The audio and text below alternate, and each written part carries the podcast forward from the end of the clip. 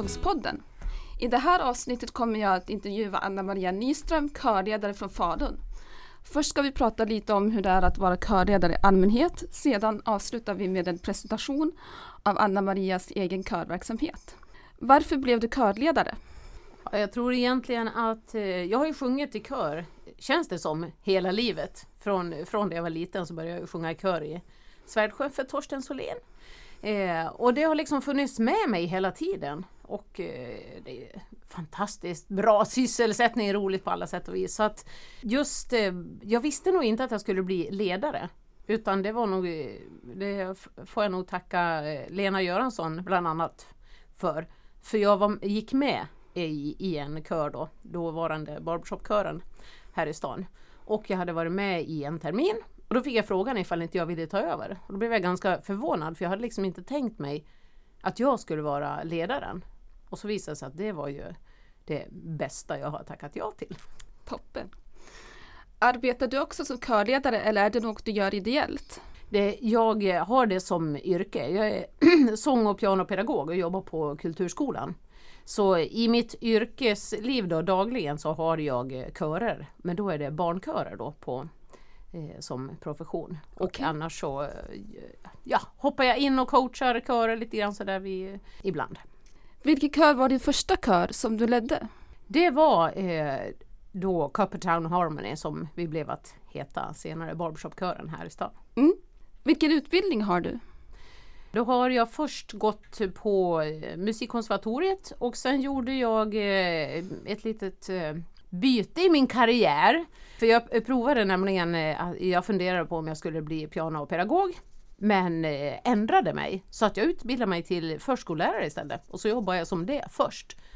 Sen när jag hade jobbat som det några år, då kom jag på att äsch, jag ska nog faktiskt vara musikpedagog. Så att då utbildade jag mig på Högskolan i Stockholm, Sto eh, Stockholms musikpedagogiska institut. Och då eh, fick jag då, ja, då blev jag då piano och sångpedagog på riktigt om man säger så. Mm. Brukar du arrangera låtar själv? Ja, oj! Det är liksom, det är eh, lite grejen med att ha kör tycker jag. Att få göra det här egna uttrycket.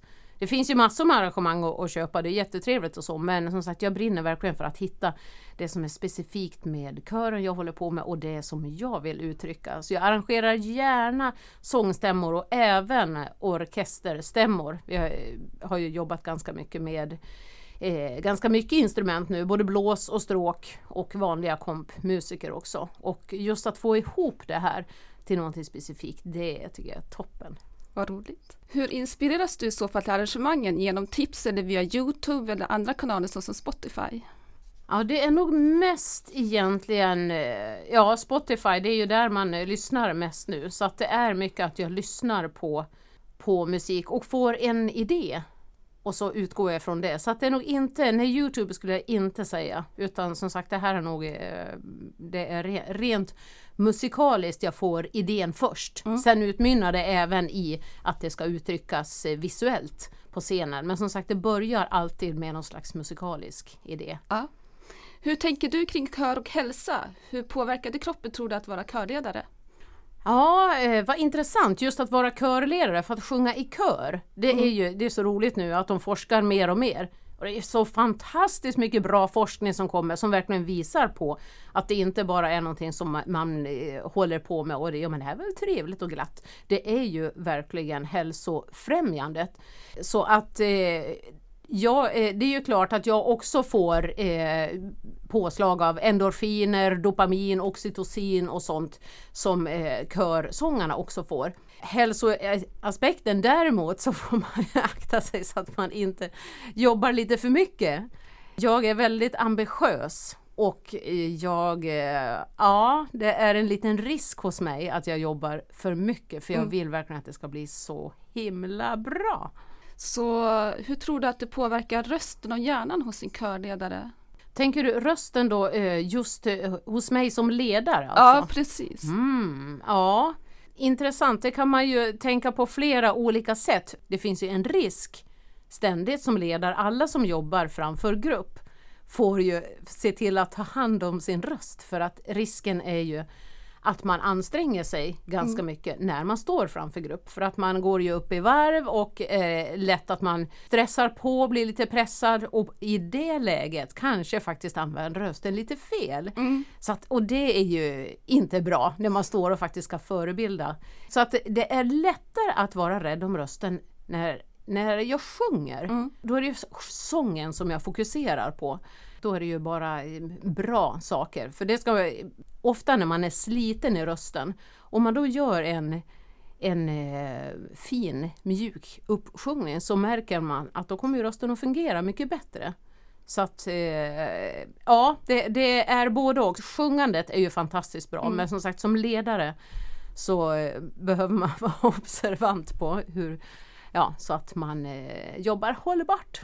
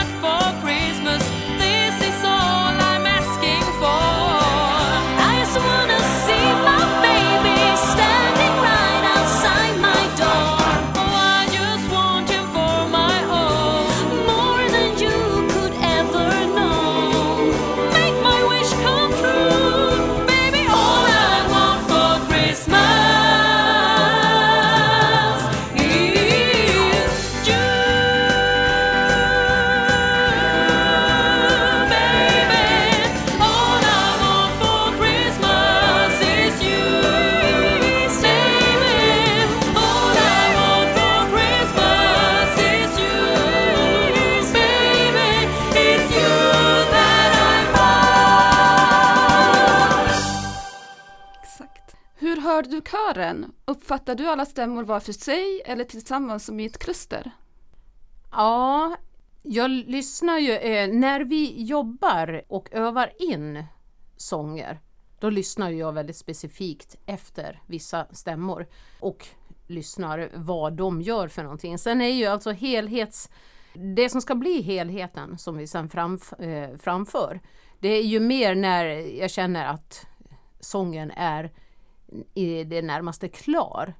Då blir det ju mer helheten och det, till dess så då är det ju mycket att jobba efter eh, renheter, hur ska fraseringen vara, vilken balans ska det vara och då blir man ju väldigt, eh, ja eh, eh det blir väldigt små delar som man jobbar med i taget. Men sen eh, slutprodukten, när man väl sen sjunger eh, och framförallt när man framför det på scen, då är det ju som sagt helheten som är, eh, som är grejen och som jag försöker också komma ihåg att njuta av ordentligt när man står där. Mm. Har du någon favorittema? Nej, egentligen ja, ja. Förutom ABBA eh, nej, men jag gillar egentligen det mesta. Jag är ju en allätare vad det gäller musik. Men eh, som sagt, nu blev det ju så att eh, ja, med succékören som jag har haft några år, att det blev ganska mycket ABBA där. Mm. Eh, det finns så eh, mycket bra musik av dem så att det är, ja, det är väl något av en, en favorit. Mm. Vad föredrar du som dirigent? Att kören har noter eller inte? Beror det på vilken kör du dirigerar och varför? Eh, eh, jag ser helst inga noter. Om jag dirigerar en kör då vill jag ha totalt fokus på bara mig. Jag vill inte att man ska läsa noter när, när jag står framför utan som sagt jag vill kunna ja, totalt fokus och också jobba med uttrycket hos kören som ju också är, eh, jag upplever det, enklare att jobba med när man inte behöver läsa sina noter samtidigt. Har du varit med på körresor och vart har det fört dig? Ja, när jag var liten så åkte vi ju på körresor då med Torsten Solén. Och då har vi dels varit på turné i Norrland. Eh, vi var också i Spanien och besökte en svensk skola där. Och sedan, ska vi se, när hela kören har varit med. En väldigt rolig resa jag gjorde med Capitan Harmony var ju när vi åkte till Holland. 2004 tror jag det var. Det var det sista vi gjorde innan jag slutade som eh, dirigent där. Eh, den var ju fantastisk. Så att, eh, att resa med grupp så här, det är ju någonting som är väldigt stärkande för gruppen och man får ju många fantastiska minnen ihop. Och annars mm. så har jag rest på egen del så i form av dirigentutbildningar som då har legat i, i USA. Så att dit har jag varit över tre gånger också. Ja, vad kul. Och då en kurs. Hur tänker du kring kördagar? Vad bidrar det till och blir det bättre sång och gemenskap? Ja, Alltså eh, absolut, för, för att eh, ju mer man umgås desto bättre blir det. Det gäller ju lite grann också, om man vill ha en kör som fungerar bra så är ju det här sociala oerhört viktigt. Så att lära känna varandra på ett eh, ja, ett närmare sätt. Det är ju någonting som det bidrar till naturligtvis ifall man jobbar lite längre. Har lite middagar ihop och kanske ibland när jag dirigerade Kapten Harmony, då var vi iväg på internat, kallar vi det. Och då sov vi ju över också. Så att då blev det liksom som en hel helg så att det blev många timmar man kunde sjunga. Men också umgås mm. mer avspänt och eh, så att äh, men det är toppen för gruppstärkande. Vad förväntar du dig som körledare? Att man ska komma i tid, kunna låtarna, vara tyst under repetitionerna? Ja men det låter väl toppenbra det där. Alltså det är ju lite grann så här, det beror ju på vilken kör som man har framför sig. För att eh, jag tycker att huvudsaken är att man sjunger i kör mm. och sen ska man leta efter den kör som som passar eh, mitt intresse och min förmåga och mitt engagemang. Antingen så har man en kör som eh, är väldigt ja, professionellt inriktad. Nu har jag varit, eh, när jag har haft succékören nu, då har jag lite ja, eh, större och högre förväntningar. För att eh, den kören, där behöver man kunna sina stämmor när mm. man kommer. Och jag lyssnar på dirigenten, självklart. Så, så är det. Men som sagt, det här med att kunna sina stämmor igen, det beror på vilken kör det är. Mm. Eh, för att ibland så eh, finns, eh, finns det också körer dit man går för att bara sjunga precis när man är där och då är det det man ska göra. Så att det gäller att leta upp det som passar mitt engagemang för att jag ska, jag ska känna mig motiverad. Mm. Vad tycker du om småprat i kören? Menar du under tiden vi repeterar? Ja. Nej, det gillar jag inte. Hur viktig är planeringen av repertoaren? Den är, alltså det är någonting som jag ägnar ganska mycket tid åt. För när vi ska göra en konsert då är jag väldigt noggrann med att eh, det ska bli en blandning av olika uttryck. olika eh, sorts sättning på dels, nu jobbar jag, jag har ju kompmusiker till också.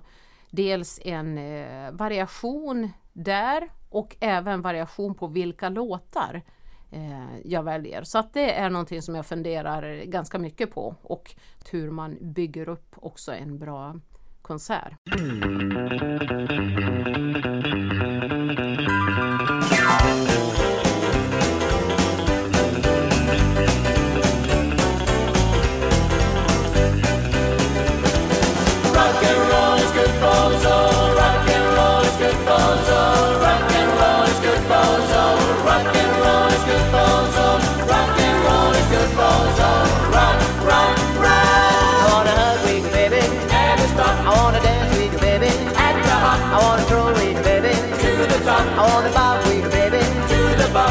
Rock and roll.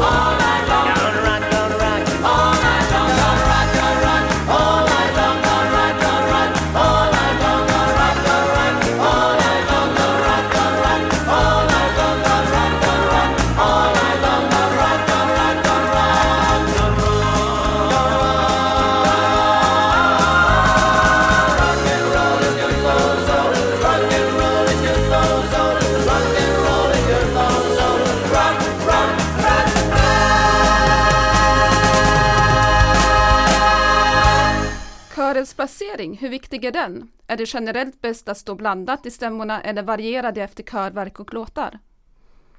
Mm, det här är ju någonting som eh, man skulle kunna hålla på med jättelänge och som jag tycker är väldigt spännande att placera folk efter vilken röst man har. Tyvärr så har man oftast alldeles för lite tid för det här. För att det är spännande vad som händer så fort det räcker att du flyttar på en röst egentligen så får du en annan klangbild. Så att flytta runt det, folk det tycker jag är väldigt väldigt roligt. Mm. Eh, sen Ja, det här med, det kan som sagt ha lite grann att göra. I den bästa världen då skulle man placera efter vilken låt man sjunger. Men mm. det blir ju lite råddigt, speciellt när man är så pass många som, som vi är. Och vi, nu pratar jag om succékören då jag haft, för vi är ju närmare 100 personer och då är det liksom inte Mm, det är inte helt jättebra att, att, springa runt och flytta om folk utan jag, där får jag göra en köruppställning som, som fungerar eh, bra. Mm. Vad brukar man som dirigent få tänka mest på? Oj, det vet jag inte. Tänka mest på vad, vad tänker du, hur tänker du då? Jag tänker om vad brukar du ge mest för råd till kördeltagarna? Aha, typ eh, ja, jag är ju, alltså det här med renhet och intonering, mm. det är ju någonting som eh, jag har väldigt svårt att att släppa. Åtminstone när jag jobbar med en kör som eh, Mm. det, det är tänkt ska kunna sina stämmor och sånt. Så intonering att det ska vara rent, Mm. eh, absolut. Men sen också det musikaliska uttrycket. Det är ja, alltså det här med musik. Det betyder ju ingenting om det inte kommer från hjärtat. Det är alltså uttrycket måste kännas äkta. Och det här är ju någonting som folk har övat olika mycket på. För, för att det här att, liksom, att sjunga rätt toner, som sagt, ja men det är väl trevligt och så. Men som sagt, det är ju först när det sätts i sitt sammanhang och vad är det du vill berätta för någonting. Mm. Och det är en konst att kunna göra det, även när man liksom sjunger O och A-stämmor. Så måste du ändå vara inne liksom i berättelsen. Så äkta uttryck, allt vad det innebär med, med nyanser och äkta Mm. Hur viktig är rummets akustik för en körledare? Är kyrkorummet det bästa eller finns det alternativ? Kristinahallen i Falun versus Kristine kyrka, vilken vinner? Kristinahallen. ah, kyrkor, det är, alltså det är fint men det är ju en väldigt stor eh, akustik. Mm. Och då vid eh, snabbare repertoar och som sagt eftersom jag gärna då jobbar med eh, kompmusiker Mm. också. Då kan man stöta på lite problem i kyrkorna i och med att det är så stor akustik. Kristinahallen eh, är också en utmaning så fort man eh, plockar in det som inte är akustiskt. Mm. Så att det är någonting som eh, man får se till att man har en bra ljudtekniker med sig som, som kan balansera upp det här. Men eh, lite klang vill man ju ha för rösterna för det finns ju torra lokaler också och det är ju inte alls något roligt att stå och, och sjunga i. Nej. Sådär så att eh, Nej, här i stan då är det nog Kristinahallen jag föredrar. Mm. Vad har du för estetiska ideal, till exempel i fråga om genre, koreografi, det visuella eller röstmässigt? Ja, igen så är det så att det beror på vad vi, eh, vilken låt man framför. För igen så är det det här med eh, variationen som jag tycker är rolig. Och som sagt, du får ju en annan klang i rösten beroende på lite grann vad det är du ska framföra och även det som man då gör scenmässigt. Om man nu jobbar med koreografi, ja då Mm. beror det på som sagt vad är det som ska förstärkas i, i den här låten. Det beror ju helt på hur, hur man rör sig och hur man Mm. för sig på, på scenen. Och även som sagt hur man, även ifall man inte gör koreografi, så uttrycker du ändå med kroppen vad det är för, för någonting. Så att det ja, beror på Mm. vilken låt. Vilken sorts musik gillar du bäst att dirigera? Ehm, ja, alltså det känns ju lite grann som att eh, i och med att det nu har varit, alltså det är ju ganska mycket pop ändå. ABBA får vi väl ändå räkna som, som popgrupp och Mm. sånt här och eh, som sagt pop och det är mer åt eh, visa till, alltså lite rocklåtar kan vara roligt också. Mm. Så att, men det är ju i eh, poprock visa eh, visa genren, även om alltså jag älskar klassisk musik. Men Mm. jag har inte ägnat mig åt det som, eh, som kördirigent. Hur gör du som körledare för att få till ett bra samarbete mellan dig och kören? Sker det när ni gör uppvärmningen eller sker det på automatik? Mycket sker under uppvärmningen. Jag Mm. tycker uppvärmningen av kören är oerhört viktig. Eh, dels för att eh, man ska landa och komma dit. Idag så stressar ju folk någonting Mm. fantastiskt mycket. Eh, så det gäller liksom att landa och eh, känna att ah, nu är jag på plats. Och även att man får en, en skön känsla. Jag jobbar mycket med eh, positiv förstärkning och försöker vara en förebild och vara eh, glad och trevlig och tydlig själv. Mm. Och eh, som sagt, är, ja, eh, folk är oftast väldigt trevliga att jobba med. Sådär, så att det, ja, det brukar fungera bra. Ja, vad bra. Har du något favoritkörverk? Nej, det kan jag inte säga att jag har. Nej.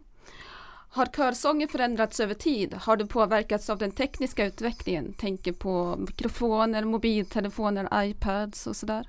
Ja, fa ja, fast jag vet inte. Eh, mikrofon, alltså att sjunga, eh, om du är solist och så ska sjunga i mikrofon, alltså då, då jobbar man ju specifikt med det. Men vad det gäller att sjunga i kör, då kan jag inte säga att jag tycker att det har påverkat påverkat, nej inte klangen och så här, det tycker jag nog inte. Nej.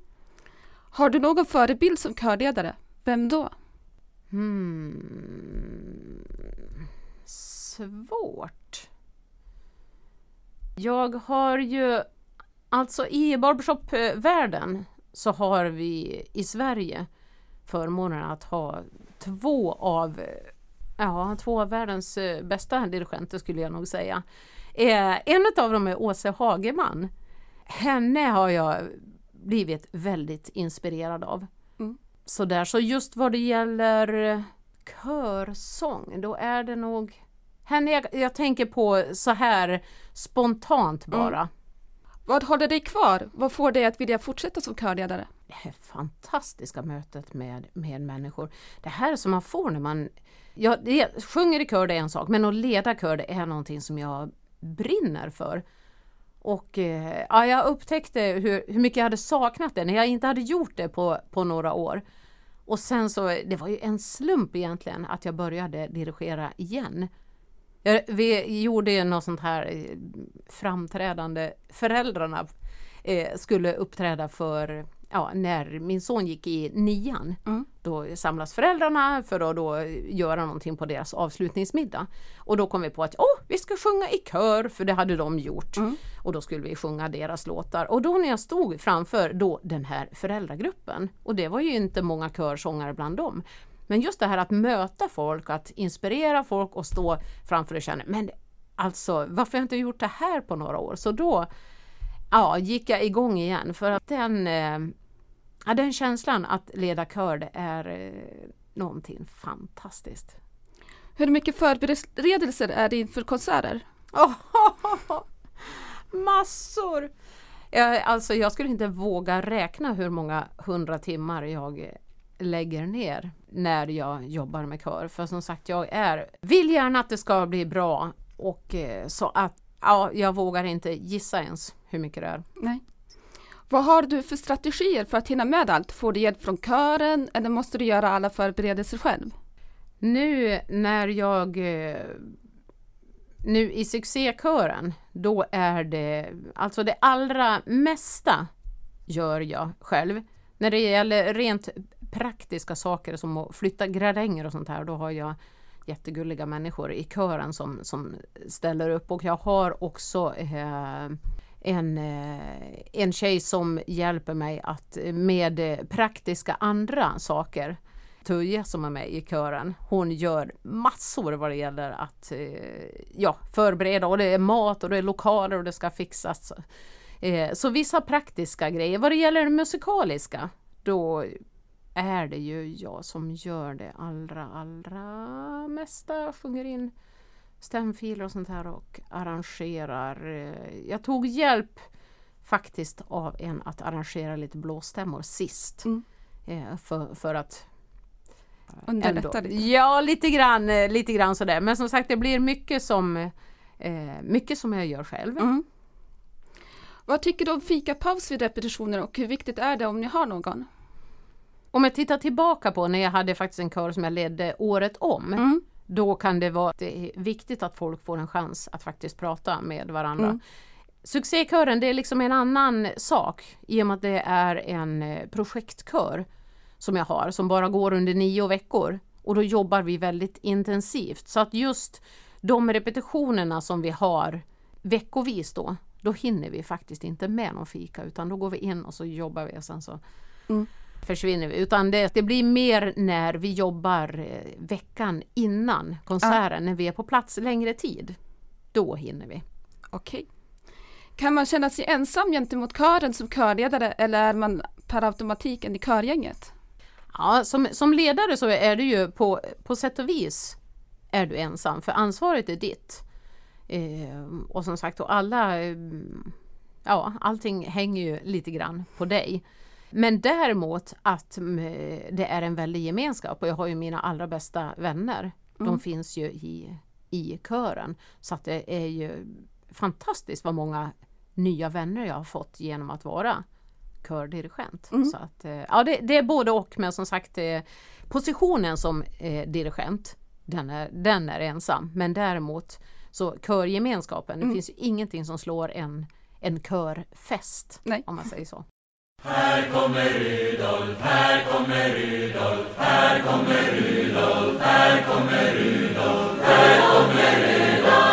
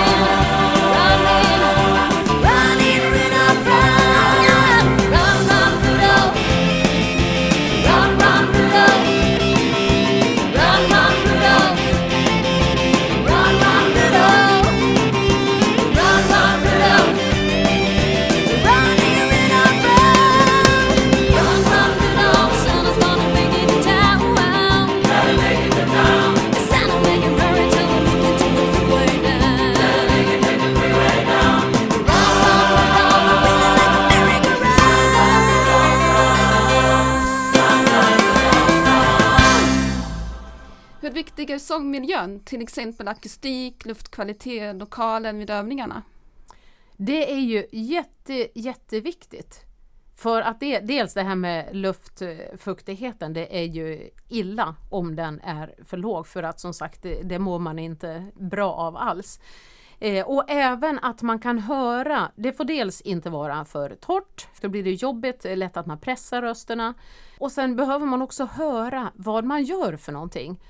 Så att eh, vi har hamnat på ställen som inte har varit fullt så bra eh, ibland och övat och då har jag väldigt svårt att höra vad kören gör för någonting. Speciellt när vi är så många så behöver man eh, i det här fallet gradhänger att stå på så, och ja, jag behöver höra bra. Vad brukar du be dina körsångare tänka mest på? Mest? Ja... Jag vet inte vad, vad som är mest. Men som sagt igen, det här att vara i, att vara i sången. Mm. Att det är äkta och, och så att eh, Mm. vi uttrycker och, och framför någonting till, tillsammans. Är det viktigt med huvudklang när man sjunger eller är det olika beroende på musiken man sjunger? Olika beroende på vilken eh, musik man sjunger. Hur svårt eller lätt är det att ge konstruktiv kritik? Är det något man gör enskilt eller är kören med på att man tar kritik under övningen? Beror på vilken sorts eh, kritik tänker du på då? När jag tänker om någon sjunger fel i ett partitur till exempel och eh, du hör det. Ja, och, nej men alltså då är jag lite... De blir inte jätteförtjusta i det här. Nej. Men alltså är det så, ofta så kan ju alla sina stämmor. Mm. Och ibland så kan det vara då en som sjunger någonting som är fel. Mm. Eh, Och alltså då springer jag faktiskt upp i kören.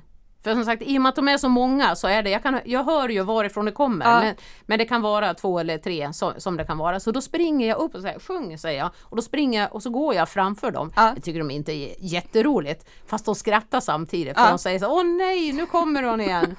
eh, så att då gör det. Men alltså jag försöker ju att inte vara inte vara dum när Nej. jag gör det här utan det är ju till för att det ska vara ett hjälp och jag skäller inte på folk. Eh, utan jag lägger mer en hand på axeln. Vet du vad, det är du. Så här, Oj, jaha, ja, ja, okej, ja men då ska jag fixa det. För att ibland så är man, kan det ju vara så att körsångarna inte är medvetna om att, nej, men, oj, jaha, halkar jag in här? Så, ja, mm. Då går vi in lite mera på succékören. Mm. Vad är konceptet med din kör, succékören? Det är eh, dels då så eh, med tanke på hur vi lever idag så har inte alla tid att sjunga året om. Jag vill jättegärna ha en kör men orkar inte heller året om så jag tänkte okej, vi gör någonting kort istället. Så att under nio veckor så då träffas vi och eh, sätter ihop ett konsertprogram. Och då är det så att det här bör, börjar jag planera i, ja, strax efter julafton börjar det väl börjar jag fundera på vad, vad det är det ska bli. Och sen kommer det att gå ut en inbjudan till Ja, nu när vi har varit igång så går det ut till, till de som har varit med Mm. tidigare. Så får de en inbjudan och så får de svara ifall de vill vara med. Sen börjar det då, eh, använder vi Dropbox för att eh, fördela stämmor och sånt. Mm. Så jag sjung, sjunger in alla eh, stämfiler förutom basstämman. Då får jag hjälp, för där går gränsen. och sen får man eh, alltså körmedlemmarna som har anmält sig, de får lära, lära sig de här eh, låtarna innan de kommer till första repetitionen. Och då är det ju så att en del läser noter, det är väl bra, det behöver man inte kunna. Utan huvudsaken är att du lyssnar på, än viktigare att du lyssnar på stämfilerna. För noter det är ju ett kom ihåg. När det gäller eh, uttryck och frasering och sånt här så är det ibland lättare att lyssna hu- hur det ska göras. Så då är planen att eh, man kan sin stämma när man eh, kommer och sen jobbar vi ihop under nio veckor. Och så har jag då också arrangerat komp till eh, detta. Det är inte så mycket vi sjunger a cappella nu, nu för tiden. Och sen så ska det då sättas ihop någon eh, konsert av det här och det ska göras eh, lite mm, koreografi, lite rörelser och jobbar mycket uttryck och så här. Sen har vi då konsert. Vi, hittills har vi kört vecka 47 va? Visst är det det? I november. Mm. Grått och trist, då behöver man någonting. Så då har vi kört i Kristinahallen helt enkelt. Mm. Kostar det något att vara med? Ja, det är en eh, avgift för körmedlemmarna. Mm. Vad får man för det? Oh, det får man inte. Du, får då möjlighet att delta i den här kören. Du får ju en viss sångutbildning då i, i och med att du deltar i detta. Du lär dig väl, väldigt mycket om eh, musiken och om uttryck och att föra dig på scen. Att samverka med andra och att samverka med musiker. Se hur, hur, eh, ja, hur det tar form den, här, eh, den här konserten. Det är väldigt roligt också kan jag säga som har varit med. Ja, det är, ja, det är kör. Mm. Hur är organisationen uppbyggd om du har någon? Ja, tänker du organisation runt eh, det praktiska? Ja, så här? ja, det är ju det som är eh, det tråkiga för organisationen. Det är jag, jag och Tuja känns det som. Mm. lite grann så. Ja. Har ni någon hemsida där man kan kontakta er om man vill vara med? Eh, det är, alltså hemsida har jag inte någon. Facebook kan man söka Ja. upp succékören. Så där kan man också lämna meddelande om det skulle vara så att man är, är intresserad. Mm. Så sköter jag kontakten via mail i sådana fall. Vi har varit inne på det här lite grann, men kyrkokörer följer vanligtvis kyrkoåret. Har ni något mönster som ni följer när ni planerar upplägg och konserter? Nej, det är just det, det här har varit en, en bra tid. Mm. Just i november så när man behöver en, en Mm. kick i, i mörkret verkligen. Så att det, det känns som att det har varit en, en bra tid att lägga Mm. en konsert. Får vilket som helst vara med eller har ni inträdesprov? När då i så fall? Det är inträdesprov. Eh, sångkravet för att vara med då är att man eh, sjunger rent och att man kan hålla sin stämma gentemot de andra. Så att Mm. man gör en provsjungning i, ja, det är väl typ en kvartett. Mm. Vi är fyra eller fem stycken som är med på provsjungning och så lyssnar vi lite grann på rösten och så här och sen så har man fått då två sånger som man ska sjunga tillsammans med den här eh, kvartetten. Så att eh, man vet att man klarar att hålla sin stämma. Körplaceringen den gör ju jag individuellt så det är inte säkert att man hamnar bredvid någon som sjunger samma stämma. Nej, just det. Måste man öva mycket hemma? Jo, Och vad är er körklädsel? Är det olika beroende på konsertens sammanhang? Ja, det är det. Nu senast vi hade, eh, som då var förra hösten, då hyllade vi 60-talet. Mm. Det var roligt! Då fick vi gå bananas och plocka fram en massa roliga 60-talskläder. Det var jätteroligt och blev så fint, Ja, verkligen. Så att det, ja, det var roligt. Har ni tävlat med din kör? Vilken var den roligaste tävlingen och vad lärde ni er av dem i så fall? Eh, tävlingar, det höll jag på med när jag dirigerade barbershopkören. Mm. För att då är ju det en del av, av grejen. Det, det. det var också fantastiskt roligt. Vi var ju något av vi blev rebeller här i, i Sverige. Jag har ju alltså det här med regler och sånt här. Det är jättebra om de fyller en, en bra funktion. Mm. Men man kan också titta på reglerna och titta, okej, vad ryms inom det här? Så från att ha varit en ganska eh, strikt tävling, eh, barbershopen är ju, kommer ju från USA och är väldigt formad och eh, att det ska se ut på ett speciellt sätt. Och det här bröt ju vi snabbt emot Mm. genom att dels tävla som gamla tanter Varpå när vi var på väg in på scenen, vi hade en då som var nyopererad. Eh, hon, var, hon var inte gammal på riktigt men hon Nej. hade opererat foten så henne hade, eh, hon åkte rullstol. Mm. Och hon blev alltså stoppad när hon skulle in på scenen av eh, backstage-personalen och sa nej, nej, nej, vi har en körtävling här. Så, ja, vi ska vara med! Så att eh, dels det gjorde vi, eh, det var fantastiskt Mm. roligt. Och ett annat sånt här eh, riktigt roligt också, det var när vi tävlade. Kören var brudar, alltså giftasbrudar. Mm. Verkligen, alla i vit klänning och jag då var utklädd till eh, brudgum.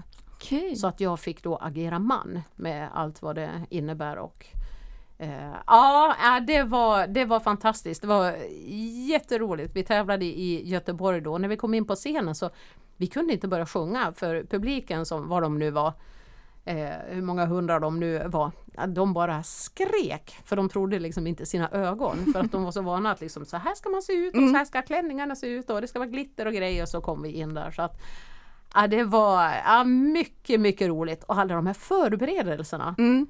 Alltså ibland så kan ju förberedelserna nästan vara roligare än, än, eh, Ja. än framträdandet för att man skrattar ju så enormt mycket.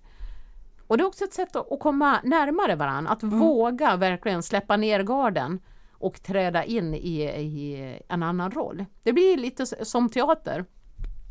Så att, eh, ja det var häftiga, häftiga minnen verkligen. Ja, det låter jätteroligt. Brukar ni ta betalt för era konserter och brukar ni ha gästartister med ibland? Ja, det kostar att gå på konserterna. Det här är eh, nu, och nu pratar jag succékören Mm. igen. Det här är en väldigt dyr produktion det här. Jag plockar ju in, jag har haft upp till 14 musiker spelar eh, då live och som sagt det är ju inte gratis på något sätt. Jag behöver en väldigt bra ljud och ljusfirma Mm. och göra det här och lokalerna är inte heller eh, gratis och ja, det behöver kosta för att det ska gå ihop. Ja. Detta. Då tackar jag dig Anna Maria Nyström för att du ville vara med i Körsångspodden. Ut och sjung!